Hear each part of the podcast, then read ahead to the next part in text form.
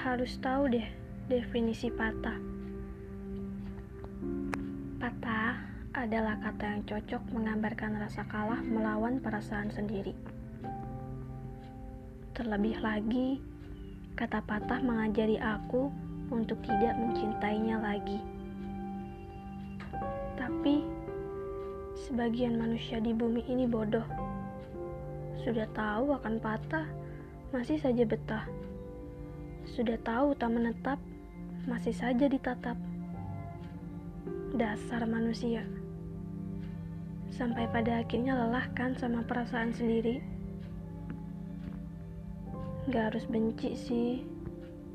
Karena pada dasarnya semua mempunyai hak untuk suka atau tidak. Semua punya ruang rasanya masing-masing yang gak bisa dipaksa untuk harus milih. Jadi, ya udah berakhir patah.